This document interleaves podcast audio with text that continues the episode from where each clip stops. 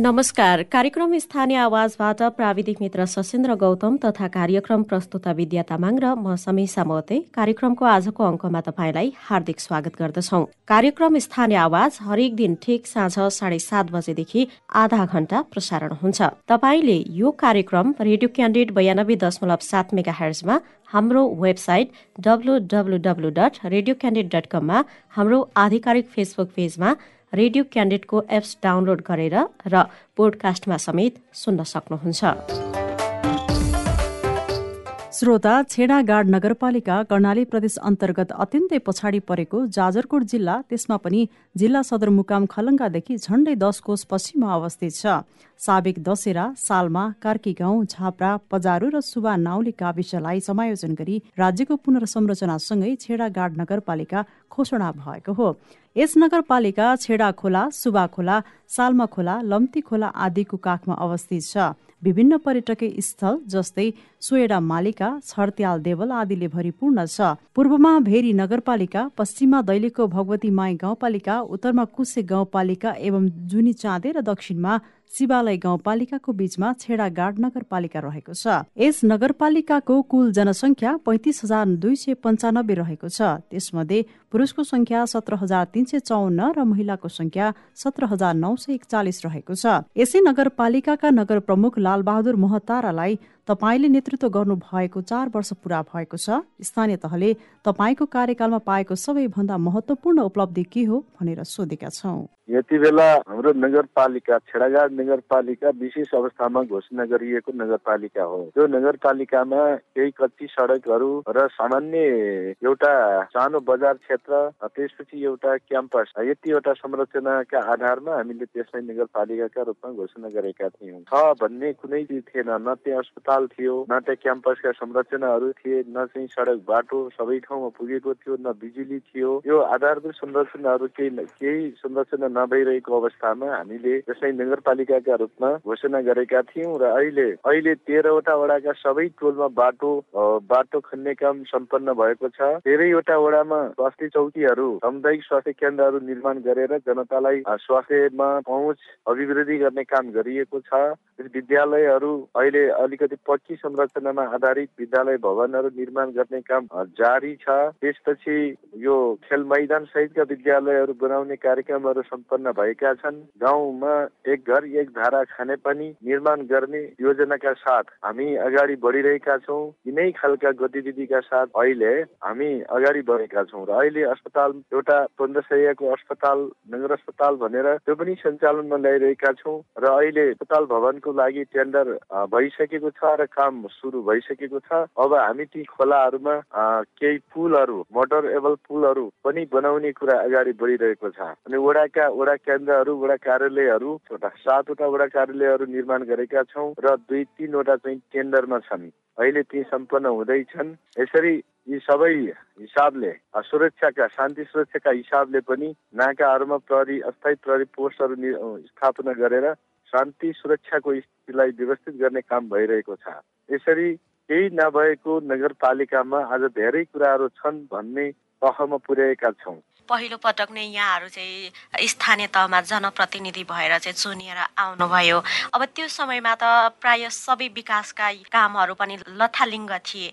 यो अवस्थामा यहाँहरूलाई कस्तो चुनौतीहरू आयो? ए यसका लागि त पहिला हामी प्रशासनिक भवन नै थिएनन्। कहाँबाट चाहिने सेवा प्रवाह गर्ने भन्ने एक खालको समस्या थियो। अर्कोतिर नयाँ राज्य व्यवस्था नयाँ ढङ्गले घोषणा गरिएको थियो। हामी सबै नयाँ थियौँ न हामीले सङ्घीय संरचनामा आधारित सोचहरू दृष्टिकोणहरू निर्माण गरेका थियौँ न कुनै चाहिँ त्यस्तो अनुभूति थियो। न कतै कतै कुनै पनि मुलुकहरूसँगको साझेदारी अथवा समन्वय सम्पर्कमा सञ्चालन गर्नु गर्नुपर्ने परिस्थिति थियो।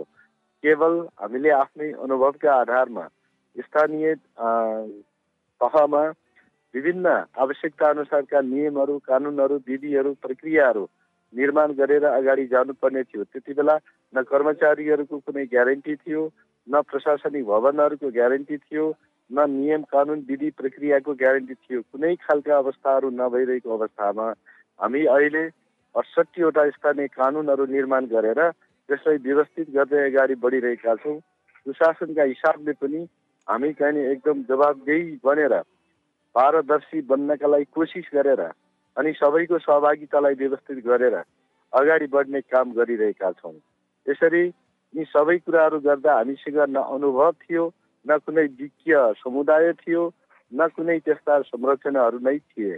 त्यसले गर्दाखेरि अलिकति जोखिम अलिकति अप्ठ्यारो अलिकति चुनौती यिनै विषयमा रहेको थियो र त्यसलाई झेल्दै हामी अहिले केही हदसम्म जो सङ्घीय संरचनाका मर्म र भावना अनुरूपको दिशा निर्माण गर्न सकिरहेका छौँ त्यो खालको व्यवस्थापन गर्न सकिरहेका छौँ। नगरपालिकाभित्र सडकलाई कसरी जोड्नु भएको छ? सबै वडाहरूमा पुगिसकेको छ सडकहरू?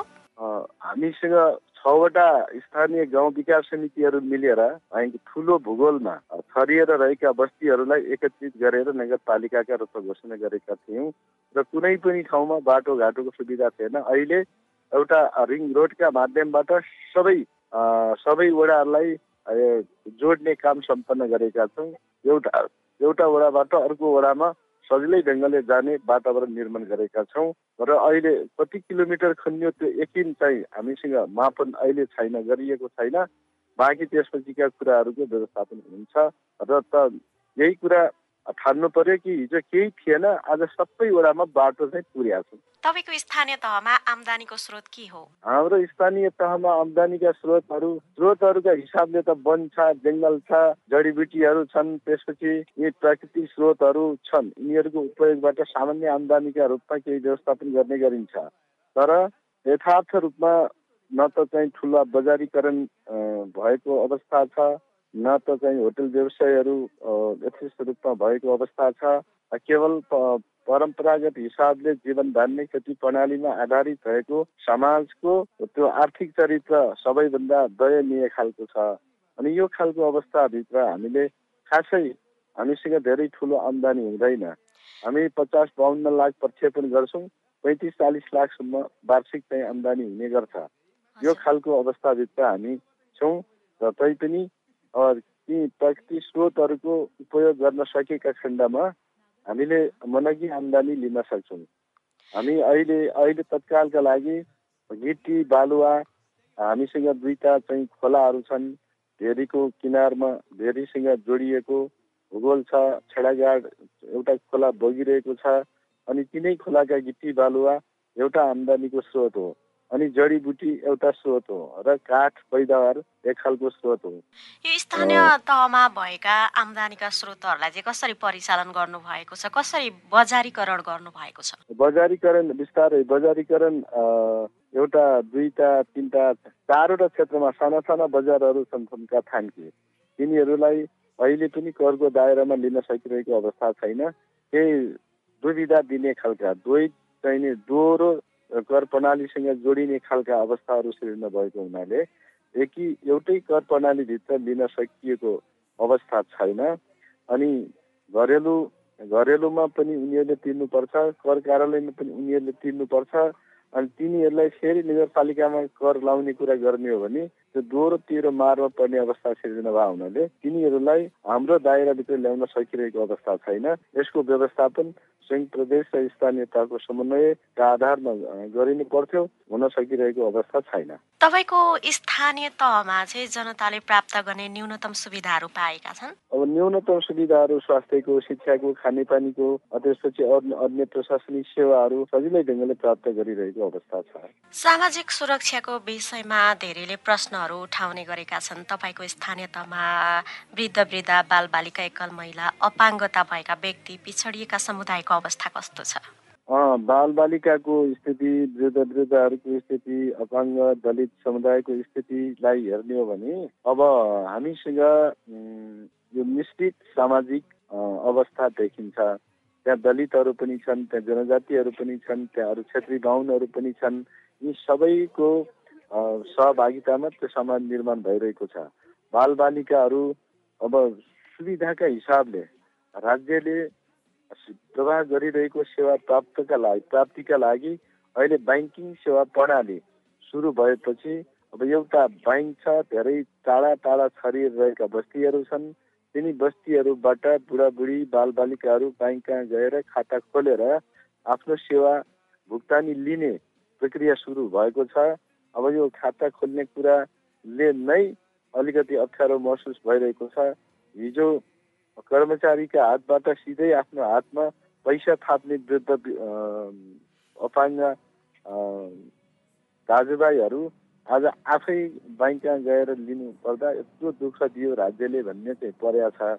नयाँ विधि प्रक्रिया र पद्धतिका विषयमा उनीहरूलाई धेरै जानकारी नभएको हुनाले यो विषयमा अलिकति दुःख याचना गरिरहेका छन् र भोलि बिस्तारै बिस्तारै सबै कुरा सुरक्षित ढङ्गले आफ्नो हातमा लिन सकिएको सकिया खण्डमा उनीहरू वास्तवमा राज्यले ठिकै गरेर रहेछ भन्ने ढङ्गले अनुभूति गर्छन्। युवालाई स्वरोजगार बनाउने के कस्ता कार्यक्रमहरू छन् तपाईँसँग? अब स्वरोजगारका कार्यक्रमहरू सृजना गर्ने कुरा गरिरहेका छौँ। उनीहरूलाई अब के सिलाइ कटाइका तालिमहरू त्यसपछि गएर जुत्तासँग सम्बन्धित तालिमहरू ग्यारेजहरूसँग सम्बन्धित तालिमहरू यो बाइकहरू बनाउने गाडीहरू बनाउने त्यसपछि गएर तरकारी खेती कसरी निर्माण गर्ने कुखुरा पालन कसरी निर्माण गर्ने भैँसी पालनहरूको प्रबन्ध फार्महरूको प्रबन्ध कसरी गर्ने सहकारी कसरी सञ्चालन गर्ने यी आदि इत्यादि विषयमा चाहिँ सामान्य तालिम प्रशिक्षणका कुराहरू अगाडि बढिरहेका छन् र केही युवाहरूले त्यसैलाई प्रयोग गरेर स्वरोजगारका कामहरू सञ्चालन गरिरहेका छन्। बिस्तारै नै औद्योगिक औद्योगिक मामिलामा अथवा उद्यमशीलताको विकास गर्दै अगाडि जाने क्षेत्रमा हाम्रा युवाहरू पनि सरी हुँदैछन्। धेरै स्थानीय तहहरूको एउटै गुनासो छ सडक निर्माण पूर्वाधार विकास लगायत भौतिक संरचनामा योजनाविहीन काम भएका छन्। तपाईँ कसरी खण्डन गर्नुहुन्छ यसलाई? योजना विहीन अब प्लान बिनाका कामहरू त हुँदै होइनन्। स्थानीय समुदायहरूले आफ्ना आवश्यकता अनुसारको चाहिने माग गर्छन् त्यो अनुसारको बजेटको व्यवस्थापन गरेर अगाडि बढ्ने कुरा गरिन्छ। अब हामीले एउटा नगरको आवधिक योजना निर्माण गरेका छौँ। त्यो आवधिक योजनाभित्र सबै वडामा बाटो लिने सबै वडामा टोलसम्म बाटो पुर्याउने जो खालको परिकल्पना गरेका छौँ र त्यसलाई योजनामा ढालेका छौँ तद अनुरूप नै काम हुँदै गइरहेको अवस्था छ। जथाभावी जहाँ मुन लाग्यो त्यहीँ खनेर बजेट चाहिने सिद्ध्याउने काम हाम्रो तर्फबाट भइरहेको छैन। स्थानीय तहमा सबैभन्दा विकासको मेरुदण्डका रूपमा रहेको सडक बाटो जसले चाहिँ बजार र गाउँलाई सहजै जोड्ने काम गर्छ अनि बजारबाट पूर्वाधार निर्माणका सामग्रीहरू सजिलै गाउँमा ट्रान्सपोर्टेसन गर्न सकिन्छ। अब यस्तो खालको अवस्थालाई हेरेर अब छिटो छिटो विकास र समृद्धिको दिशामा चढ्नका लागि गाउँहरू आतुर छन्। उनलाई छिटो छिटो बाटो चाहिन्छ। त्यसैले अहिले अरू अरूभन्दा पनि सबैभन्दा बढी प्राथमिकता बाटोमा बाटोमा दिएर स्थानीय तहहरूले आफ्नो ती कामहरू सम्पन्न गरिरहेका छन्।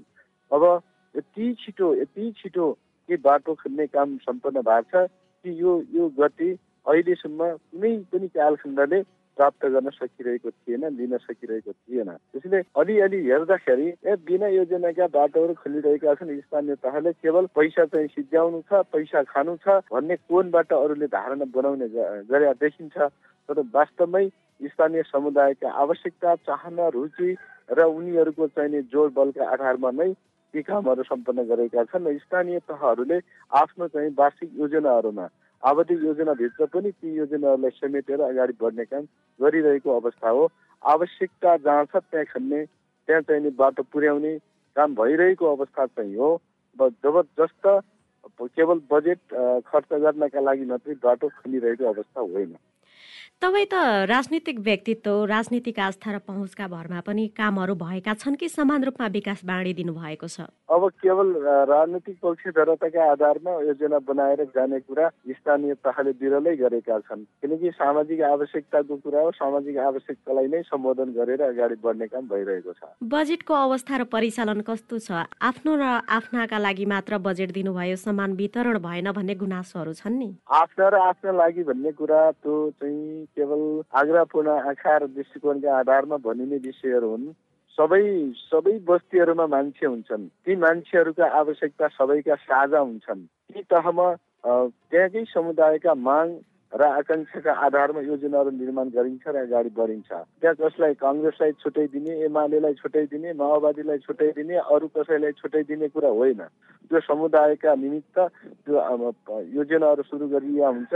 समुदाय आफ्नै अगुवाईमा ती कामहरू गर्ने गर्छन्। त्यसो भएको हुनाले यी केवल आग्रहपूर्ण दृष्टिकोणका आधारमा गरिने अभिव्यक्ति बाहेक अरू केही होइन। केन्द्र र प्रदेश सरकारसँग सम्बन्ध र सहयोग कस्तो रह्यो यहाँहरूको?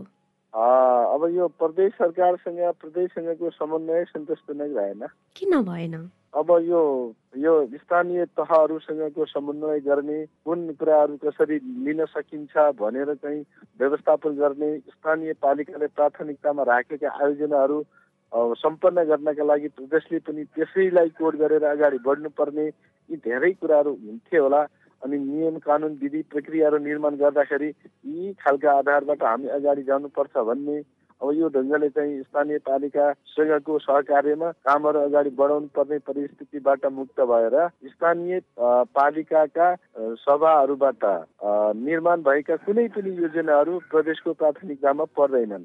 प्रदेशले आफ्नै मन परी ढङ्गले कुन कुन ठाउँमा के के गर्ने त्यहाँ कोही आफ्नो कार्यकर्ता आफू कसैका भनाइका आधारमा ती व्यवस्थापन गर्दै आउने कुरा भइरहेको छ। यसले गर्दा केवल यी आफ्नो तर्फबाट भएका कामहरू मूल्याङ्कन गर्दै अनुगमन गरिदिए र पठाइदिए भन्ने कुरा बाहेक अरू केही खालका कामहरू अगाडि जो समन्वयका आधारमा अगाडि बढ्ने गरेका छैन। प्रमुख ज्यू हामी कार्यक्रमको अन्त्यतिर आइसकेका छौँ। अन्त्यमा बताइदिनुहोस् न धर्म संस्कृतिमा तपाईँले नेतृत्व गर्नुभएको स्थानीय तह कतिको धनी छ बताइदिनुहोस् न। अब हाम्रो यो क्षेत्र भनेको विशेष गरी मस्तो संस्कृतिको प्रभावमा परेको क्षेत्र हो।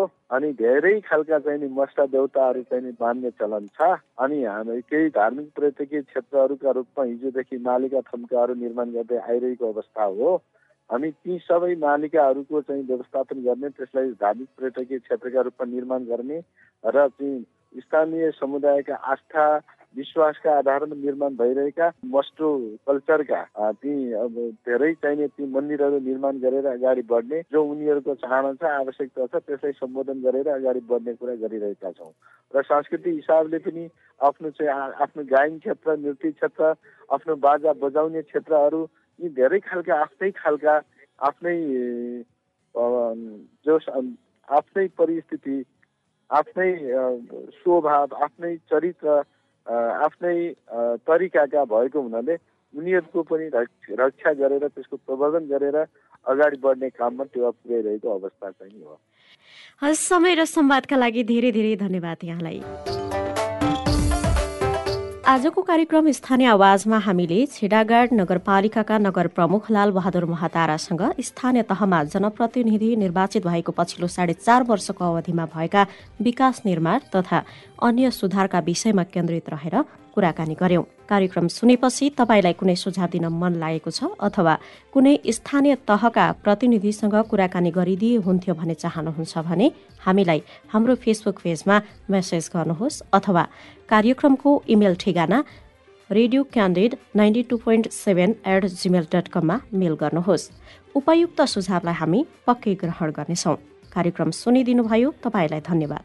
हौस् त भोलि फेरि भेटौँला। सशेन्द्र गौतम विद्या तामाङ र समीसा मोते विदा भयौँ। नमस्कार।